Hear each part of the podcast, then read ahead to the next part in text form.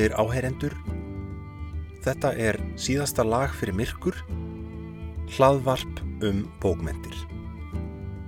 Ég heiti Hjalti Snær Ægjesson og er umsjónarmadur þáttarins.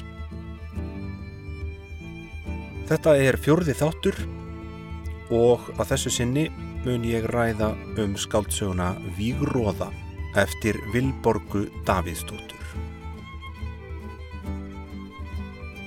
Þessi bók kom út árið 2012, þar segja þremur árum á eftir skáldsögunni Auði, sem er eh, fyrsta skáldsagan í þessari, þessum þríleik og svona sjálfstætt framhald. Það er hægt að lesa þessa bók án þess að hafa lesið hína. Hún hefur alveg sjálfstætt gildi en um, maður er vissulega skrefið á undan en maður hefur lesið auði vegna þess að hér er vísað í atburði sem eiga sér stað í hinni bókinni. Þessi saga gerist á árunum 865 til 866. Það er nefnir nokkur ár í að landnám hefjist á Íslandi og það er ekkit sagt frá því í þessari sögu. Ég rekna með því að það sé til umfjöldunar í þriðja bindinu, eða þriðju sögunni sem heitir Blóðu jörð. Nú, um, það er eiginlega nýðustan hjá mér eftir að hafa lesið þessar tvær fyrstu bækur í þríleiknum að bók nr. 2 er bara tölvett frambærilegri heldur en bók nr. 1. Uh, Kanski er það vegna þess að Vilborg hefur vaksið sem reythöndur á þessum árum sem eru þarna, líða þarna á milli.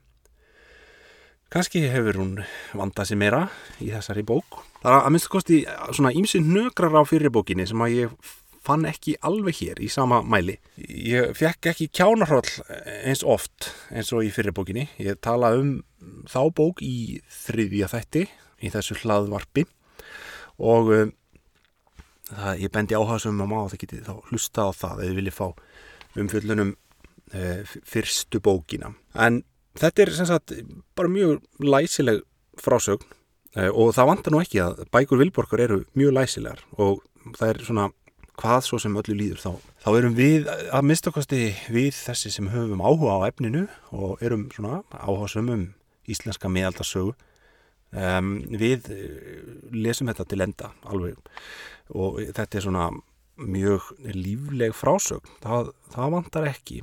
Það er mikið, það er hér er verið að fjalla um svona hluti sem að er ekki tala mikið um í Íslendingarsögunum og í landnámu, það er svona, já, nefnt til dæmis í byrjun sagna, byrjun lagstælasögu, orkneingasögu, Eiríksögu rauða, þetta er eitt lítill kapli í eh, landnámu, eh, þetta er svona glefsur hér og þar, en Vilborg bætir í og hún notar líka írska annála og ímis fræðiritt nýleg eh, sem gefa miklu fyllri mynd af þessum árum þarna rétt fyrir landnámið heldur en við sjáum í íslensku meðaldaheimildum.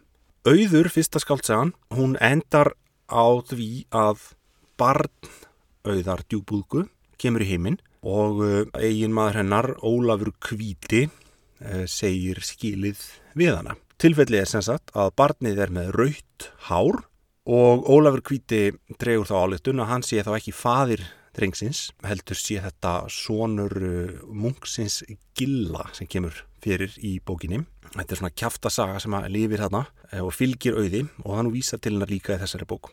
Um, dæmið það hvernig svona slúður getur lifað og skotu upp kollinum. Þetta er nú ekki eins afdreifaríkt hér en það er, uh, þetta er loka punkturinn í fyrsta bindinu. Var ég búin að nefna þessa bækur fjalla um auði djúbúlgu? Já það kannski segir sér sjálft. Auður djúbúlga þessi merka landnámskona og ættmóðir margra ef ekki allra Íslendinga, eða miskosti þeirra sem geta rakið ætti sínar aftur á landnámsöld.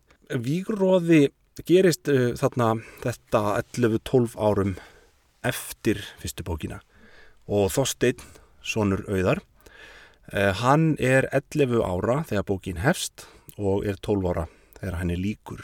Hann er alltaf kallar Þorstein Rauður og það er nafnið sem hann hefur í uh, miðalda heimildum.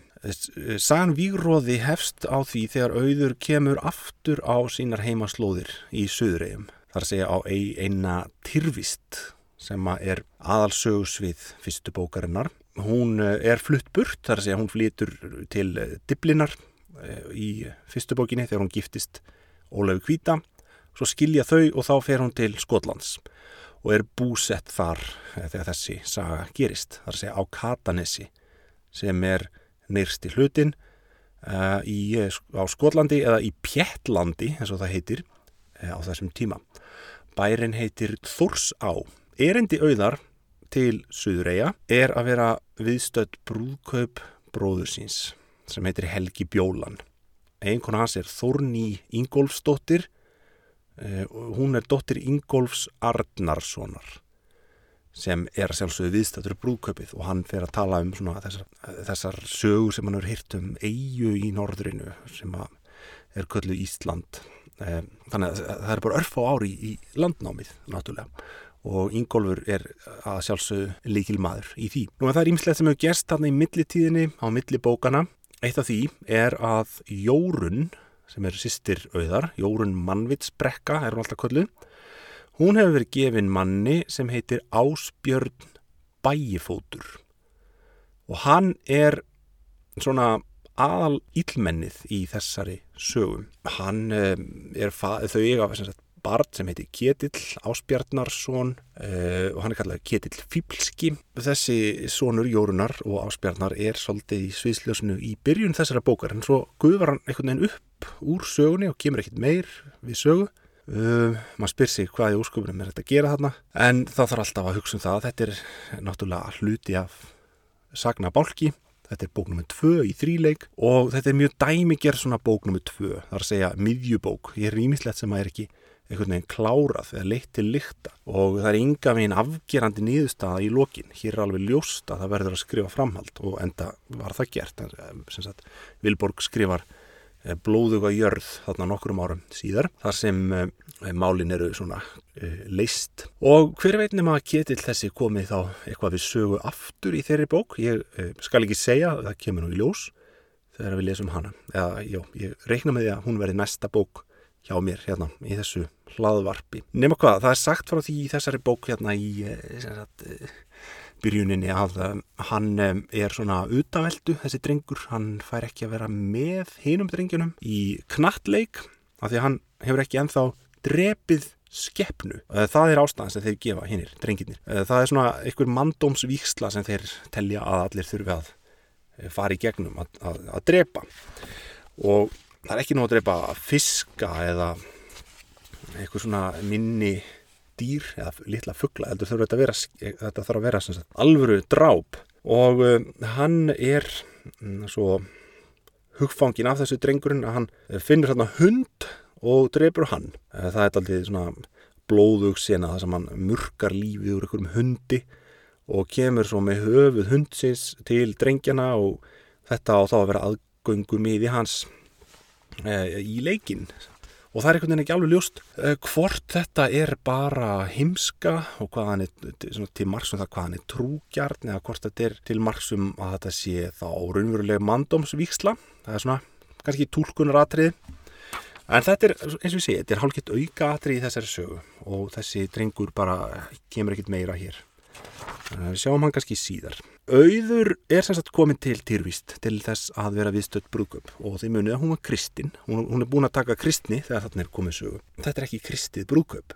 Þetta er rammheiðið allt saman og alls konar eh, blót og vikslur og, og hérna, galdrar og eitthvað tilbeðslu serimóniur sem að fylgja eðlilega svona aðtöfnum eins og brúðkaupi og um, auður hún bara tekur virkan þátt í þessu hún lætur sér hafa það, jáfnveg þó hún sé kristin þá er hún ekki að, að hún er ekki þannig svona dogmatísk. Hún bara e, lætur sér hafa þetta. Hún er komin hérna í þetta brúðkaup og ætla bara að taka fullan þátt í því. Þetta er svona tilmerk svona það hvað hún er um, opin og víðsýn kannski.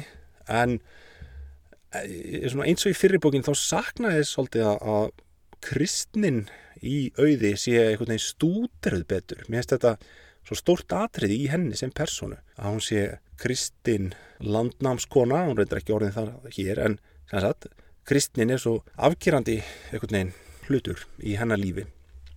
Og það er bara ekkert fjallað um það hér. Um, gott og vel. Hún er allavega komin í brúðkaup og þetta er svona, já síðast var hún, síðast fór hún frá eigunni þegar hún sildi í sitt eigið brúðkaup sem var haldið á eigunni Mön. Og um, það var líka heiði brúðkaup. Þannig að þetta er svona dæmið það hvernig auður er, tilherir svona minnilötu í þessum samfélögum sem hún býr í. Nú síðan er sagt frá visslunni, samræðum sem, og svona, því sem fer fólki á milli þarna í visslunni og það er tvent sem ber helst á góma í samræðum karlana, þetta er aðalega karlar sem er þarna, en sko er ekkit sagt frá konunum, ekki mikið hér, svolítið sérstakt því að Vilborg hefur alltaf, já hún hefur alltaf sínt þeim áhuga og gerir það í öðrum bókum. Eh, það er kannski minnum það hér, þetta er svona karlægari bók heldur en til dæmis auður eða undir Yggdrasil. Já, það er svona svolítið yngin á þessari bóku auður sjálf er ekki í neitt sérstaklega stóru hlutverki. Hún er bara í halgjörðu auka hlutverki og í þessari veistlu er hún ekki þáttakandi í þessum uh, samræðum. En eins og ég segi, það er svona tvent sem kemur uh, aðalega þarna til umræðu. Það er annars vegar Óláðu Kvíti og Diblinar menn sem að hafa nú leikið þá grátt söður einga það eru ákveðinir aðalar hana í visslunni sem að hvetja mjög til þess að það sé farið í herrför gegn Ólafi. Og það þarf að stoppa þennan uppgangans og hérna, taka fyrir þetta.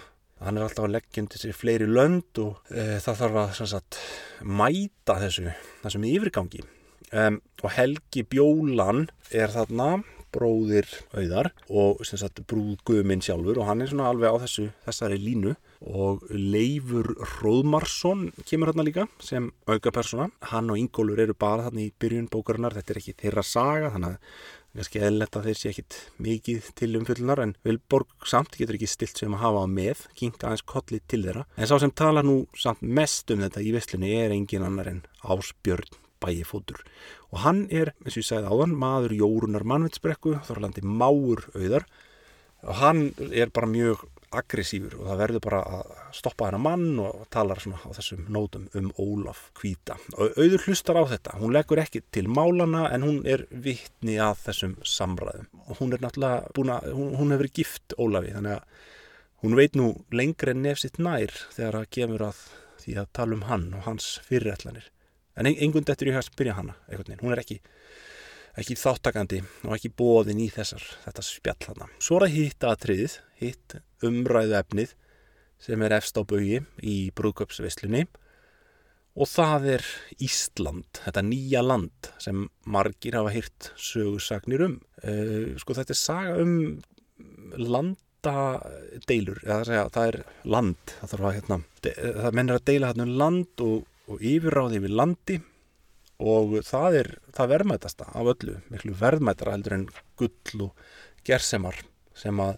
e, vikingar í hefbundnum skilningi e, þrá mest og sækjast mest eftir Um, það, er, það er ekki alveg þannig hér heldur er allar þessar deilur Ólafs Kvíta og Ketils Flatnefs og þessara kappa hana og e, þessara karla það, þetta er allt saman deilur um land og yfir á því við landi.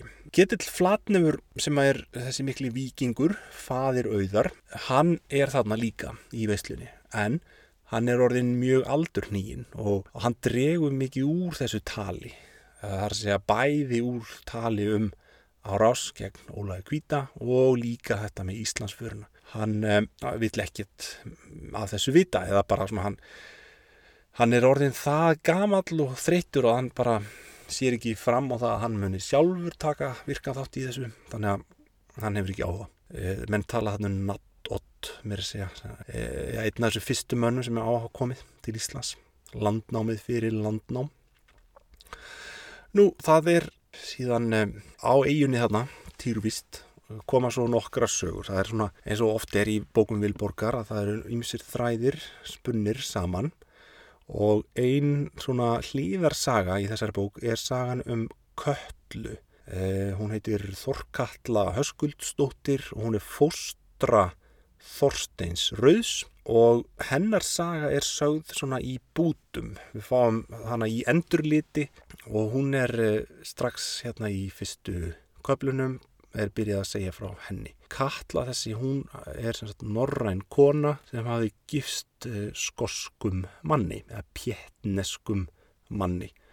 Og það er uh, svona þetta samband þeirra er verður Vilborgu tilhefni til að stúdera þessi samskipti norræna manna og skota og uh, auður sjálf er náttúrulega vissulega líka tilefni til þess vegna að hún er búsett á Pjettlandi norræn kona en hefur færst út á jæðarinn og út úr sinni eigin fjölskyldu eftir deilur við föðsinn. Þannig að þetta er svona til umfyllunar hér. Þetta er svolítið áhugavert og um, margt sem kemur hérna fram og minnst saga köllu kannski svona á einhvern nátt áhugaverðist í parturinn í þessari sögu, í miðbókinni. Katla verður ástfangin á manni sem heitir Duvnal.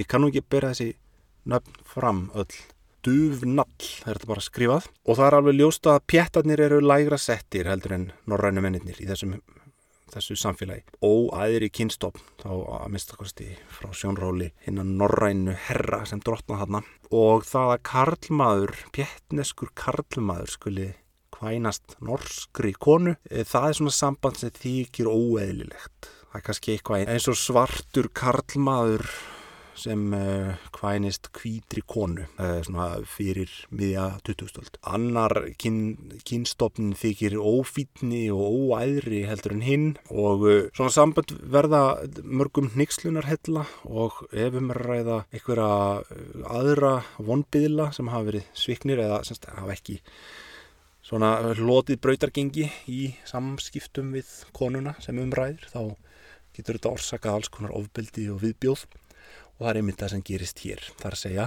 Áspjörn Bæifótur, hann sjálfur er með einhverja tilfinningar í garð köllu en hann e, þykir ekki nógu fín eða ekki, hann, hann er ekki nógu fínum ættum. Þannig að þessu tekið e, svona döflega af föður köllu, hann, hann líst ekki á Áspjörn þennan sem tengd á svona Uh, en Katla fer þá leið að hún bara flýr. Þetta er svona brottlaup hún fer burt úr samfélaginu. Hún fylgir ástinni, hún er ástfangin af döfnal og þau uh, leita skjóls hjá fólki þarna uh, á Katanesi bara skant frá staðnum það sem auður býr. Um, það fylgir sögunni að uh, hún lærir galdur með þessi kalla. Þar segja hún kynist húsmóðurni á bænum og uh, hún er göldrótt og sem sagt kalla lærir þá af henni. Það verður alltaf að vera einn galdrakona í þessum bókum Vilborgar. Er bara, þetta er ekki bók eftir Vilborgar nema sé einn galdrakona. Þannig að það er kalla í þessari bók. Og hún, eh, sko, já þetta endar á hræðilegan hátt þannig að Áspjörn bæifótur og, og fylg riddarsveinar hans þeir eh, koma e, þarna til þeirra köllu og duvnals og ræna og brenna húsinn þarna. Þetta er sem að þau eru búsett þarna á bæ þar sem þau eru bara í felum. Þau eru semst eh, hjá fólki sem hýsir þau. Og þau eru búin að eignast dreng þarna sem heitir Kjaran og hann er drefin, Duvnal er drefin líka og allir ábúendur á bænum eru drefnir fyrir það að leina þessum pjettneska konuránsmanni eins og það er kallað í bókinni. Dvergavík heitir þessi staður, já. Dvergavíkur brenna. Ég ímyndi bara að Vilborg sé bara búið þetta til en þó kann að vera hún, að hún sé með einhverja heimildir. Byggja þetta á einhverju. Ég bara þekki það ekki alveg. Þetta er einhverjum árum áður en sagan gerist, sagan sem hér erum að ræða. Og uh, síðan sem sagt já, komaður hérna í brúköpið á Suðurægum og þá hittast þau aftur. Þar sé að þá hitt að því Katla fylgir með, hún er, er svona aðstofa kona, auðar, þar sé að hún er fóstra Þorsteins sem er sonur hennar og hún er með henni í för þegar þær koma hérna í brúköpið og þar er áspjöld bæjafótur einhver ár hafa líðið en hann man eftir henni og hún man eftir honum. Þau átt að segja á því hver tengslin eru. Nú er áspjöld sem sagt orðin kvæntur inn í ætt auðar sjálfrar. Þannig að uh, þau hittast þarna álgjörlega á þess að vilja það. Í sögunni fæðist barn sem er annað barn áspjarnar og jórunar stúlkubarn og sýstir ketils fýblska og stúlkan er með klumpufót Áspjöld bæfótur er sjálfur með klumpufót fæðirinnar og hann er eh, gefur þá skýringu að hann hafi særst í orstu eða innvíi fyrir mörgum árum. Þess vegna gangi hann svona haldur en uh, svo fæðist stúlkan og hún er með samskonar föllun og það er svona gefi skín að þessi föllun áspjarnar sé ekki, sagt, eigi sér ekki upphaf í því að hann var særður í orustu, heldur sé þetta eitthvað svona erðagalli. Það er aldrei sagt alveg fullum fetum, en áspjörn ákveður það að taka stúlkuna af lífi, eða bera hann út, þar sé hann fer með hana út á sjó, nýfætta og sökver henni í sjóin. Þetta er ríkaleg aðgerð og hann hefur fullan rétt í þess sem fadir barnsins í þessu feðraveldis samfélagi. Fólk reynir að stöðva hann auður til dæmis, reynir að stöðva hann og samfara hann um að gera þetta ekki, leifa stúlkunni að lifa.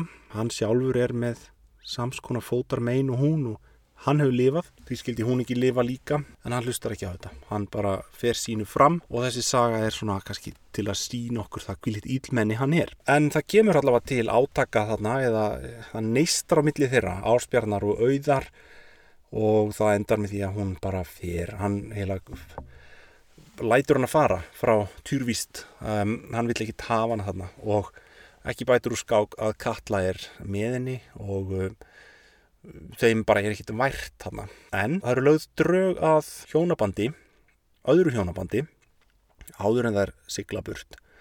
Og það er eh, hjónaband Þorsteins Rauðs. Hugmyndin er svo að hann giftist þurriði Eyvindardóttur sem er sýstir Helga Magra og Helgi Magri er eh, máur auðar. Um, og þess, þetta eru bara börn á þessum tíma, 11 ára, eitthvað svona. Og um, Þurriður Eyvindadóttir eh, siglir síðan með þeim til Katanes það er ákveðið að þau eigi að giftast. Og það var tilfellið sagt, við veitum það úr þessum heimildum sem við höfum um Þorstein að hann var giftur, eða kvæntur þessari konu, Þurriði Eyvindadóttir og þannig er, það er ekki gert neitt með það meir, þannig bara kannski verið að undibúa eitthvað sem kemur svo í þriðji bókinni. Nú það er hoppað á milli og eins og þið heyrið ég er svolítið að fara fram og aftur hérna. Það, mikið, það eru margið þræðir í þessari sögu. Þetta er ansi hlaðin e, frásögn. Það, það eru margar hlýðarsögur margar personur sem fá sinn kabla sjónarhóttni flakkar á milli og um, þá mætti jafnvel halda þið fram að það sé ofhlaðið hér sé bara of mikið og það, það hefði mátt svona kannski sker eitthvað burt og fókusera bara betur á það sem eftir stendur. Það er ímislegt sem líður fyrir þessa ákverðin Vilborgar. Er, sko, þetta, er, þetta er flott og töff á mörguleiti en, en það eru ekki bæði sleft og haldið og ef maður ætlar að fara yfir svona mikið efni og hafa, halda svona mörgum boltum á lofti þá þýð það að það er ekki hægt að sinna hlutum eins og persónu sköpun til dæmis. Svo ef maður persónunar hérna eru voðalega grunnar og minnst áspjöld bæifótur til dæmis dæmi um þannig personu hann er svona bara einhvern veginn svart svona, þetta er svolítið svart hvít og hann er bara vondur kall og er bara ílmenni og það er ekkit engi sérstök svona mm, ekkit sérstaklega áhugavert við hann. Það sama gildir um þennan Bálka Blangsson sem kemur svo í stað hans. Það er svolítið sérstaklega hvernig eitt ílmenni bara leysir annað af holmi Og svo er hlutir eins og samræður, samtöl, um, samtölpersona. Það er eitthvað sem er notað að sjálfsög til að koma upplýsingum áleiðis og minnst eins og það sé einhvern veginn, um, það sé bara eina, eini tilgangurinn í með þessum samtölum sem eru hérna. Það er, segja, það er verið að miðla upplýsingum og sumar samræðunar eru ægilega ósanfærandi vegna þess að það er engin karakter í þeim. Það er ekkit svona ekki þessi litlu smáatriði sem ekki einhvern veginn gera samtöl áhugaverð bara yfir höfuð. Er, þetta eru bara svona talandi höfuð að uh, ég til dæmis plotta um herfarir eða um, já, þetta er bara svona eins og þetta sé svolítið skrifað út frá einhverju Excel-skjali það sem að plotti ræður öllu og allir þessi þræðir það þarf að halda þeim skýrum og klárum og halda utan að um þá alla en það er ekkit óvænt í þessum samtölum það er kannski það sem ég er að reyna að segja. Um, ég saknaði einhverja svona aðeins áhugaverðari samtala en gott vel, þetta er ekki þannig saga það er ekki að fara fram á að, um, þetta sé einhver önnur bók en hún er hún er eins og hún er og við skulum reyna að taka henni þannig. Um, það er hoppað yfir til Írlands. Ok, Áspjöld bæjafótur er sem sagt komin og ímsir með honum Helgi Bjólan og Ketill Flatnefur sem deyr reyndar þarna í þessari herfur þetta er frekar stuttur kabli og Vilborg er ekki sérstaklega spennt fyrir orustum finnst mér. Hún hefur þær með hér hún hefur það líka með í hinnibókinni auði. En uh, það er eitthvað sem vantar í þetta. Þetta er bara, já, sjóurustan og úlvregsfyrði er þetta kallað. Þetta er svona uh, orustan það sem ketill flatnefur deyr. Það eru svolítið tíðindi með veitu hvað hann er, er svona valda mikill og umsvifa mikill í fyrstu bókinni. Og hann er náttúrulega ætt faðir þarna, þessar fólks. Uh, hann er faðir auðar. Hann er maðurinn sem á þessi fleigu orð í lagstælasögu þegar að menn eru að sannfara hann um að koma til Íslands. Og sagt, það er svo, orðið svo ófríðvænlegt þarna á Suðureyjum og Orkneyjum og menn segja bara kontum eitthvað til Íslands. Og þar er drýpur smjur á hverju strái og það eru fiskar í vötnum og, og öllum ætti að geta liðið vel og þú getur fengið svona lifað vel í ellinni. Og þá segir Ketill Flatnefur í þá veiðistöð kem ég aldrei á gamals aldrei og þetta er um, þetta er svolítið flottu frasi vegna þess að það að kalla Íslandi veiðistöð. Það er einhvern veginn gefur svo margt í kynna og þeir að vísu eru að segja þarna þegar þeir eru að reyna stanfaranum að koma að það voru þeir að benda á það hvað þessi mikið fiski e, í ám og, og sjó. Og ég kannski, býtu, hérna bara með lagstælu hérna, kannski finna þetta bara. Það er, það er mikil áhersla á fisk og fiskmeti áður en þessi orð eru látin falla. E, já, Björn og Helgi vildu til Íslands fara. Þetta er Björn Östræni, sonrans og Helgi Magri, tengda sonrans því að þeir þóttust þaðan margt físilegt frengt hafa sögðu þeir landskosti góða og þurfti ekki fjö að kaupa kulluði vera kvalrétt mikinn og lagsveiðar en fiskastöð öllum missirum. Ketil svarar, í þá veiðistöð kem ég aldrei á gamals aldrei. Það sem, það sem er líka hægt að skilja, sagt, það er hægt að skilja þessi orð þannig að Íslands er veiðistöð manna sem sigla norður og að menn hafi vetursetu, farið til Íslands á þessa e, dölafullu eigu sem er óbyggð enn sem komið er og til þess að veiða og komið sér tilbaka. Sagt, þetta er bara veiðistöð, þetta er bara svona verstöð út, útnári um, og orð ketils gætu bent til þess að það sé þá búið að sykla til Íslands á þessum tíma og það sé bara orðið algengt en, og það er þetta landnám fyrir landnám. Uh, nú eru menn hættir að trúa því að Íngólur hafi verið fyrstur og það kann að hafa verið að einhverju hafi silt hana e, áður sagt, og e, en bara spurningin er hversu löngu áður og í hvaða tilgangi og ekki, það er það ekki först búsetta, það er ekki fyrir um 1870 sem að það byrjar en það, kann að vera að menn hafi silt til Íslands áður í stýttri ferðir. Nú, en þetta er út úr dúr.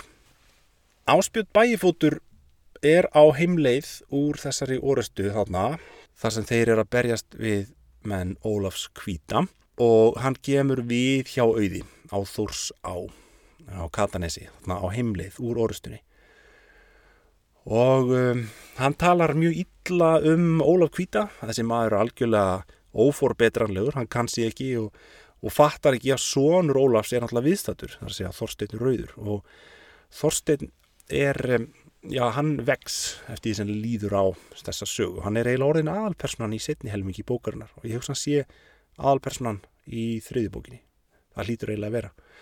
Um, og hann hérna áspjörn sem sagt uppsker þarna vandlætingu Þorsteins. Hann móðgast yfir því hvað hann talar ítla um föður hans og það jafnvel þótt Þorstein hafi valla hitt föður sinn faður hans skildi við auði þegar hann fættist og í þessari senu þegar áspjörn er að tala við auði þá er hann Eh, þá er verið að sá þessum fræjum það er einhver tenging. Eh, Þorstein er eh, það er eitthvað, eitthvað nisti í honum sem að tengir hann við föðu sinn og hann vil einhvern veginn komast til hans. Áspjöld bæjifótur tilkynir þarna auði að hann ætli að taka sér hana fyrir konu. Hann er bara tilkynnið þannig að hann ætli sér að kvænast henni. Og uh, hann er búin að ræða þetta við mikilvæga menn og þannig er kynntu til sögu annar uh, valda bólinn í barátunni sem þannig er í gangi. Þar að segja Sigurður Eisteinsson Orkneiða Jarl, Sigurður Jarl. Og Áspjörn er komin innundir hjá Sigurði og er búin að ræða þetta við hann og Sigurði líst bara vel á að, um, að þau giftist þar að segja Áspjörn og auður og það geti myndað gott bandalag millir Pjettlands og Suðureia. Þetta er valda mikið fólk og þarna verið búin til eitthvað svona blokk sem gæti orðið til þess að fæla Ólaf Kvíta frá því að sölsa undir sér lönd á Pjettlandi og þessir menn sjá þetta þannig fyrir sér að, sagt, um, að hjónaband það sem Suðureiar tengjast Pjettlandi eða Katanissi getur verið afskaplega heppilegt til að hindra uppgang Ólafs Kvíta. En auður bregst ókvæða við og hún bara rekur áspjötn þarna út úr sínu húsi. Loksins fá að sjá hvern skörungin auði, það er eins og hún hafi verið óttalega döfleg einhvern veginn fram að þessari, þessu atriði í bókinni en sem sagt þannig að rekkur hún aðeins í gang og gaman að því að hún bara velgir hún að myndir ykkum og rekur hann út. Hún veit allt um hann, veit að þetta er algjörlega viðbjóðslegu maður. Hún veit að hann brendi bæinn hann í Dörgavík. Hún veit að hann bar barn uh, sitt út og reyndar í glimtinu að nefna það. Jórun Mannvitsbrekka deyr líka, það skoðum við eftir þetta, hugsanlega af sorg. Þannig að auður hefur ynga ástæði til að, að hérna, vilja gangi í hjónaband með þessum manni. Hún sjálf hefur þá áallun að sapna stuðningi nákvæmna sína á Katanessi við Sigurð Orkneiða Jarl og gegn því að hann geri áspjörn afturreka. Það er að segja að auður vil bara klippa áspjörn út. Hún sér hann algjörlega svona hann, það, það má alveg sleppa honum hann er, skiptir yngum áli hún getur bara sjálf gert samning við Sigurð Orkneiða Jarl og uh, út á það gengur svolítið frásögnin í setni helmingi bókurnar þar segja að það er verið að sapna fylgi. Uh, það er verið að tala við bændur á Katanessi og fá þá til að sverja Sigurði hotlustu að þetta er flókið. Þetta er flókið vegna þess að Þorstein, sonur auðar er sonur Ólafs Kvíta og það má ekki glema því að hann getur ekki kannski alveg glimt uh, faðirni sínu og hann getur ekki alveg kasta því á glæ Áspjörn er að sigla frá auði yfir Pjettlandsfjörðin og aftur heim til sín þegar skip hans sekkur. Og það er mjög skýr og raunverulega ástæði fyrir því að skipi sekkur. Að segja Katla fremur þarna galdur um að skip áspjörnar munið sökva. Þarna hefnir hún sín á honum og hefnir sín fyrir hönd duvnals mannsins hennar og svo barnsins þeirra, kjarans. Um, hún drefur áspjörn og alla hans menn en það er einn af þeim sem kemst lífandi úr strandinu. Þetta er berserkur sem heitir Balki Blængsson. Hann kemst lífandi til lands og hans virðist sjá köllu þar sem hún stendur upp á hamrabeltinu og, og magnar stormin yfir þeim þannig að hann eh, fær þá vittnesku að hún veldur þessu og hann á harmaða hefna um, gagvart henni. Síðan kemur Sigur Jarl sjálfur á Katanis og ræðir við auði um Ímis Mál. Þannig farið aftur yfir sögu köllu og dvergavíkur brennuna Bálki sem er uh, búin að sleppa lifandi úr skipskaðanum, hann hefur hitt Sigurð þegar hann er komið sögu og hann hefur gefið hann um ýmsar upplýsingar um áspjöld og um strandið. Þannig að Sigurður er svona, já, hann veit sikk hvað um málinn hérna á Katanesi þegar hann kemur. Bálki er búin að bera galdrasök á köllu og það er mjög alvarlegt vegna þess að konur eru teknar á lífi fyrir það að fremja galdra. Sigur Jarl og auður ræða málinn eins og hverjir aðrir diplómatar. Eh, þetta er ekki, svona, ekki mjög mennskar samræður, það er voðalega lítið um, kjöt á beinunum þannig, þetta, bara, svona, þetta er bara valdatapl og þannig er þessi saga voðalega mikið. Þetta er svona, það er mikið verið að plotta hérna.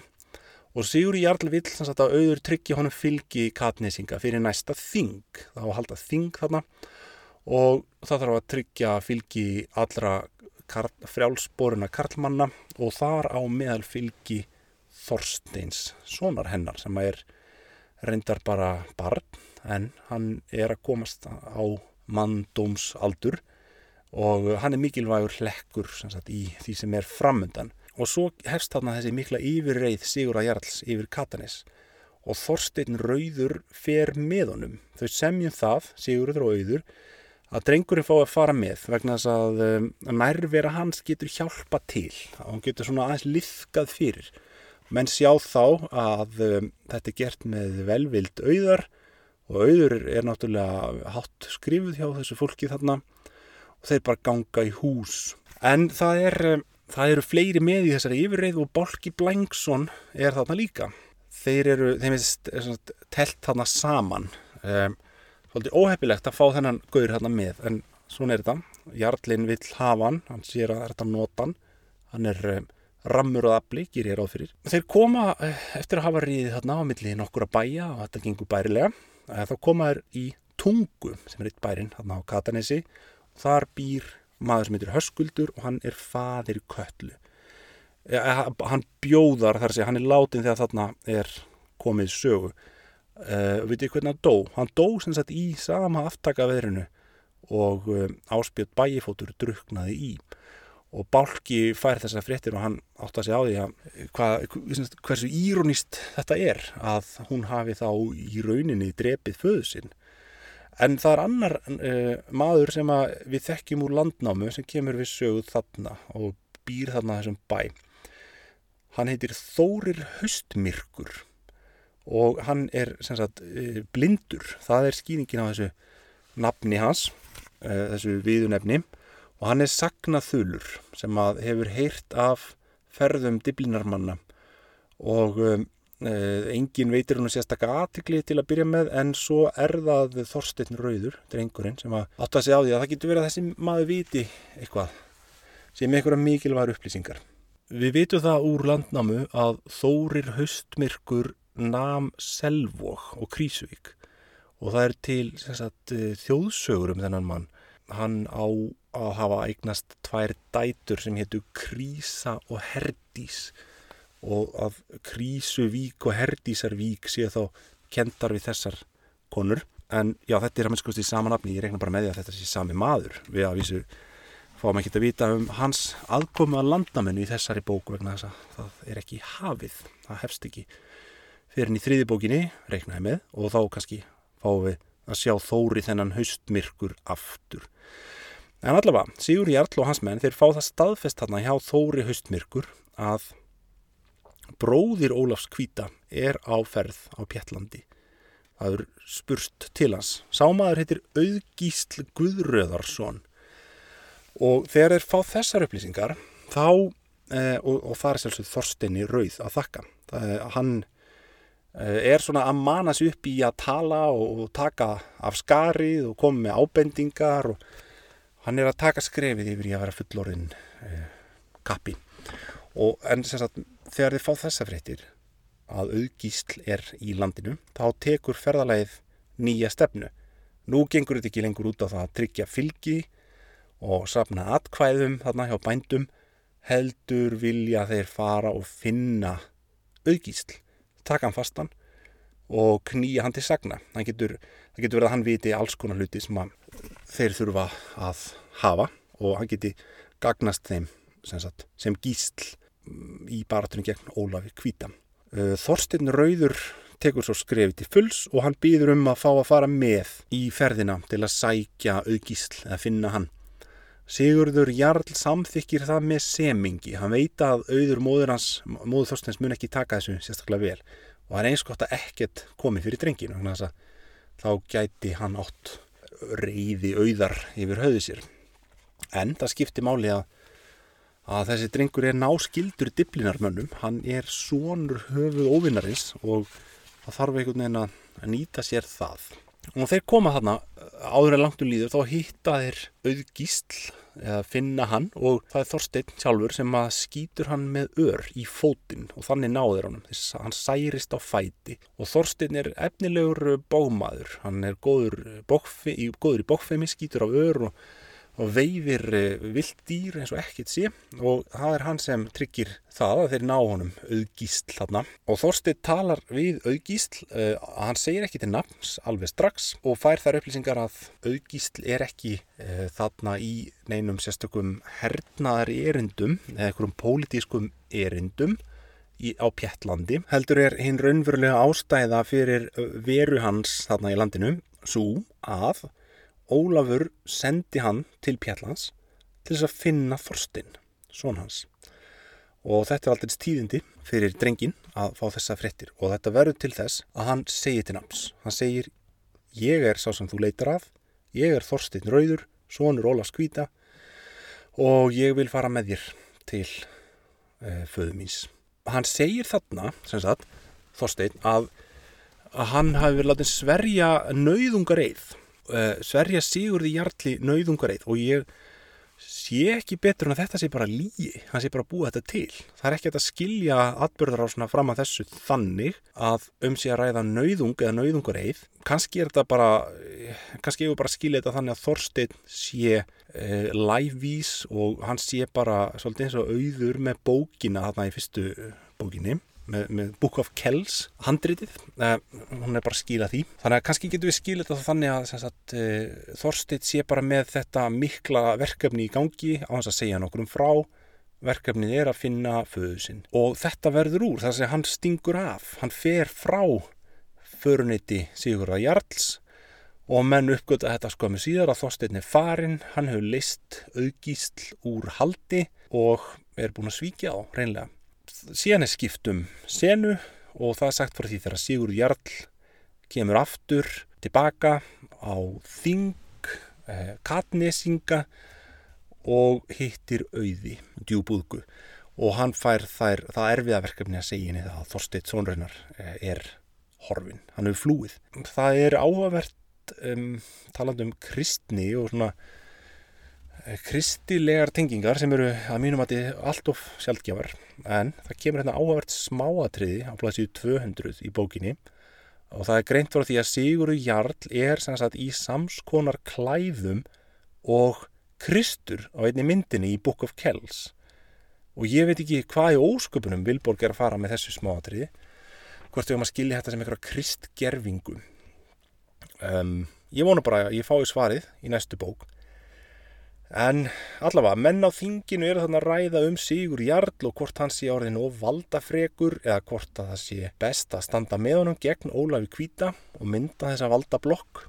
En auður sjálf að minnstakosti ákveður að fara af þinginu þegar menn byrja að sverja Sigur Jarli, hotlustu eiða. Um, hún kann ekki við þetta, hún kann ekki við þessa fóringja dyrkun kannski, getum skiljað þannig og um, Þannig er náttúrulega landnámið, við skulum aftur hugsa um það, menn eru fannir að tala um Ísland sem möguleika til þess að losna undan ófriðnum. Og það er sífældur ófriður sem fylgir þessum landadeilum og þessum hérna, hotlustu eigðum og valda bandalögum, eh, auður kannski á draum í sínu brjósti um friðsamlegra samfélag.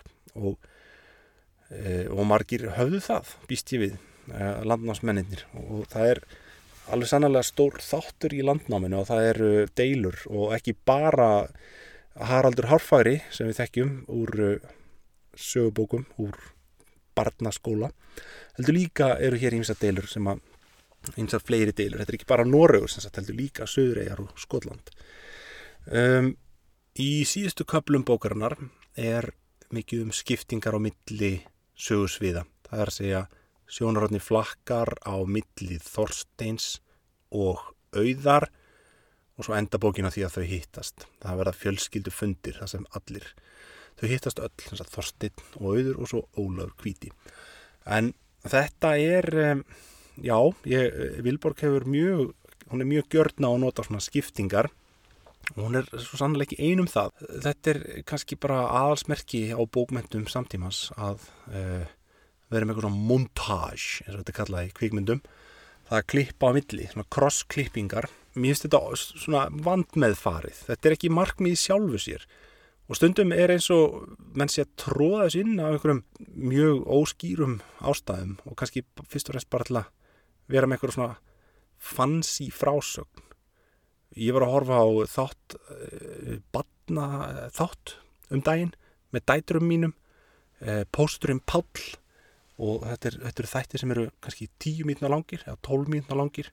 Og það var í þessum þætti sem ég horfði á var svona montage, það voru svona tveir þræðir í gangi og það var alltaf verið að klippa á milli uh, svissa á milli sögusviða. Og maður spyr sér hvort að 4-6 ára börn geta meðtekið svona frásagnir. Þau gera það náttúrulega á endarum þetta, við erum orðið það vönu þessu en þetta þótti svolítið framandi uh, í árdaga kvíkmyndalistarinnar og uh, þetta á sér náttúrulega rætur í bókmentum 19. aldarinnar.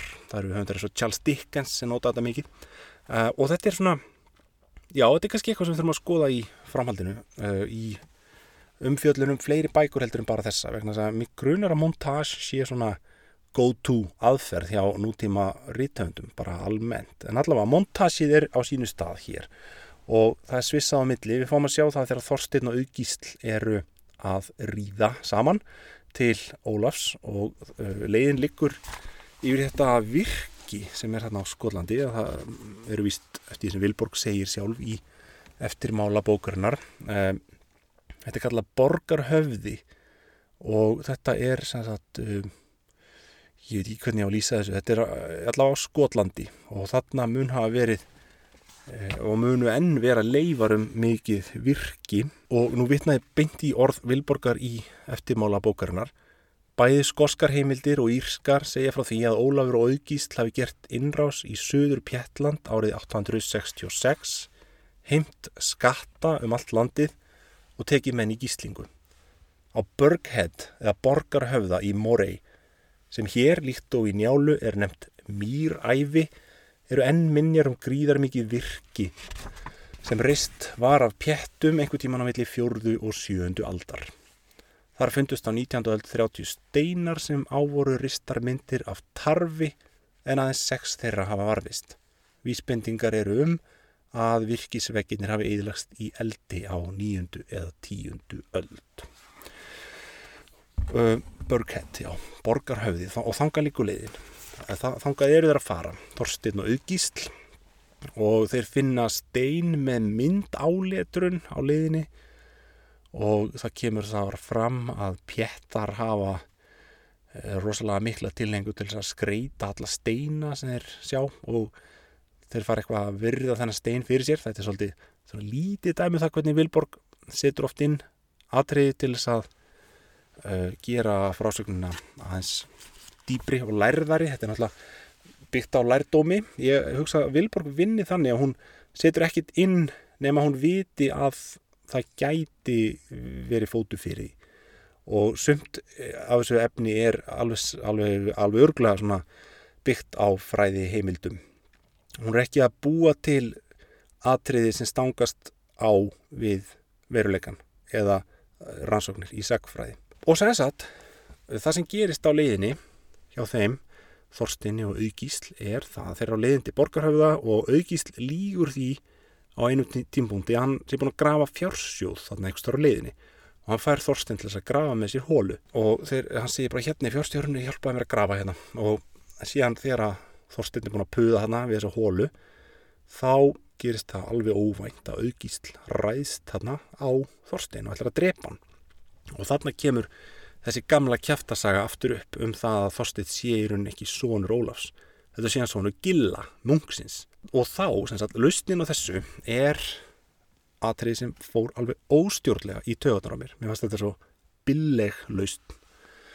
Um, þetta er semst þannig að Þorstedt til þess að sína það og sanna að hann sé sónur Ólafs e, þá sínir hann eh, auðgísle fæðingarblett á mjöðum sinni og þessi fæðingablettur er vist einhvern veginn eins og hálfmáni í læginu og þegar aukísl sér þetta þá sannfærist hann. Og hann segir bara já, herðu, Ólafur bróður minn er einmitt með samskonar fæðingablett þetta sannar það að þú ert svonur hans. Þetta er bara fullnægandi sönn. Um, og þar með er búin að leysa þetta. Þetta er svona, ég næst að þetta svolítið dæmi um svona þráð sem er komin út í ógöngur. Þetta er svona, þarna verið að höggva eitthvað nút. Þetta er svolítið svona deus ex machina laust um, en ok, allavega þetta verður til þess að Þorstein uh, sannar það að hann er sonur Ólafs Kvíta og reyndar, ég nefndi það nú ekki en það er sagt frá því alveg í byrjun bókarinnar að, að Jórun, sýstir auðar þegar þær hýttast þarna uh, í brúðköpinu uh, þá eru þær að skoða börnin þarna og einn drengurinn sem að mér minnir að sé nú bara einmitt sonur Jórnar, Ketill uh, hann er semst rauðharður og auður vekur aðtikli á þessu, það svona tekur eftir þessu og þá segir Jórun já, hann er með samskonar hár og amma var með. Og það er engin annar en Ketill Flatnefur sem er heimilt hennar fyrir þessu. Amma þeirra var náttúrulega gráhærð þegar þær mundu eftir henni. En þannig er búið, þannig búið að afgreða þetta vandamál hérna í lok fyrirbókarinnar um það að Þorstein Rauður sé rauðhærður og þetta greinlega var uh, vandamál sem var búið til úr engu. Það er nýðustan í þessari bók, Vígróða, er svo að Þorstein er sonur Ólafs og Ólafs sjálfur sannfærist um það líka loksins. Það er svona mm, í, í bókarlokk þá gerist það. En áður við komum að því, þá þurfum við náttúrulega að klára frásögnum köllu, galdra konuna og Bálki Blangsson þessi sem að fylgir þorstinni þarna í yfirreyðinni og fylgir sigur í jarli og er með þeim. Hann náttúrulega snýr tilbaka eða snýr aftur á þingið og hittir, já, sérst, hann svona, já, hverfið svolítið úr sögunni þegar allt þetta plott þeirra Sigurðar og Auðar er í gangi. En svo dukkar hann upp aftur og þar sé hann kemur köllu að óvörum e, og bara í fjósinu heima hjá hann og það sem hann ræðst á hana og rótar hana og fer með hana út af bjergbrún þar sem hann ætlar sér að kasta henni fram af bjerginu um, og hann gerir það og hann drefur hana þarna en á leiðinni þá þýlur hún alls konar formælingar yfir honum og segir eitthvað galdur og, og sagt, bölvar honum þarna og það greinlega virkar vegna þess að þegar hann er búin að kasta köllu fram af bjerginu þá skrikar honum fótur eða jörðin gefur sig einhvern veginn undan honum og hann rapar sjálfur til bana. Og þannig endar æfi bálka blængsonar Katla eiginlega tekur að með sér í fallinu. Þannig að í dauða sínum þá nær hún að hefna sín er að klára einhvern veginn málinn, hún er búin að drepa áspjöld og hún drepur bálka þarna líka. Eh, þannig að þetta er svona fullnað sígur kannski, má segja. Og ég rekna með því að þessi þráður sé þá eh, búin hér, þetta verður ekki, það verður ekki framhald á þessari, þessum þræði í þriðjubókinni. Nú síðan í blá lokin, eh, blá lokbókarnar, þá hittast þau aftur í borgarhöfða, auður, djúbúðka og Ólafur Kvíti og ger upp málinn. Þau hef ekkit hist uh, síðan að hann rak hana burt frá sér hérna 12 árum fyrr og þarna er hann komið með nýja eiginkonu sem heitir Alana og hún er dóttir Kosantíns skotakonungst í Dalriada. Þetta er efni sem Vilborg hefur upp úr írskum annálum vegna þess að við vitum það um Ólaf þennan kvíta, herrkonung í Diblinni, að hann átti að minnstakosti tvær konur og það, þetta er önnur þeirra. Auður djúbúka er ekki nefnt í írskum annálum þó að hún sé tengdónum í landnámu eða lagstælu eða báðum. Nú, hérna, þetta er hagsmuna hjónaband hjá Ólafi, hann verður náttúrulega að tryggja sér frið og fylgi skota konungs þarna en hann er samt alveg til að skilja við hana. Hann einhvern veginn opnar á það að, þau taki aftur upp samband sitt, hjónaband sitt, auður og hann og hún er eitthvað tregt til. Eða þar sé hún náttúrulega ætlar ekkert að gera það. Hún veit það alveg að þetta er búið og, en það er samt eitthvað svona hugljúf fjölskyldu stemning þarna í lokin. Og ég, ég kannski les bara hérna bókarlok þar sem þau standa þarna kort fram fyrir öðrum Auður horfir upp í andlit Ólafs, þögul. Drykk langa stund er hljótt í herberginu. Ekkert heyrist annað en andradráttur úr begja snark í eldinum í stónni. Úti fyrir glugganum er kvöldhúmið farið að stíga á. Einhvers það er í grend, rekur hrafn upp hást krung. Vertu um kýrt á borgarhauða auður, segir hann loks, eilítið rámur. Er þetta bón eða tilmæli? Hann andvarpar, brosviðbröð samt í munvíkunum. Ég byrð þig djúb úlga kona, viltu vera um kýrt, um sinn að minnstakosti. Hún heikar eitt augnablík, neyir síðan höfuðið til samþykis, um sinn. Um, þannig að hún ákveður að vera hjá honum um, um sinn, Þannig, hún ætlar ekki að, hún lítur ekki á það sem framtíðar lustn eða langtíma samband. Um, ég verða að nefna það hérna í lokin að það kemur fram í landnámu að Þorstein Rauður var í félagi með Sigurði Jarlí, hinnum ríka, Sigurði Eisteinsinni, Orknega Jarlí, þeim hinnum sama og er andstæðingur Ólafs Kvíta í þessari sögu. Það kemur fram í landnum og þeir unnu Katanes og Suðurland, Rós og Merhæfi og meirinn Holt Skotland. Gerist Þorstein þar konungur yfir, áður skotar svíku hann og fjall hann þar í orustu og þessi orð eru nokkurnin orðrétt tekin upp í fyrsta kafla Eiríksugur Rauða líka sem er sennilega samin á 13. öld þannig að þetta litla sem við vitum um Þorstin Rauð úr íslenskum heimildum er það að hann var liðsmaður Sigurðar Jarls. Við fáum þetta ekki til að ganga upp með það sem við höfum í þessari bók. Þannig að það er alveg greinlegt að eitthvað óvænt mun gerast í þriði bókinni. Hvernig er saguna um það þegar Þorstein Rauður hætti stuðningi sínum við föður sinn eða fór frá hans uh, valdablokk og yfir til landstængsins. Það er það sem við fáum væntanlega að vita í sögunni Blóðu jörð sem er þriðja bókin í sagnaflokki Vilborgar Davísdóttur um auði djúbúðgu og hennar ætt. En ég ætla að láta þessu lokið núna Eh, það var skaldsagan Vígróði sem var til umfjöllunar að þessu sinni. Í næsta þætti tek ég til skoðunar skáldsaguna Blóðujörð eftir Vilborgu Davíðsdóttur. Ég þakka þeim er hlítu verið í sæl.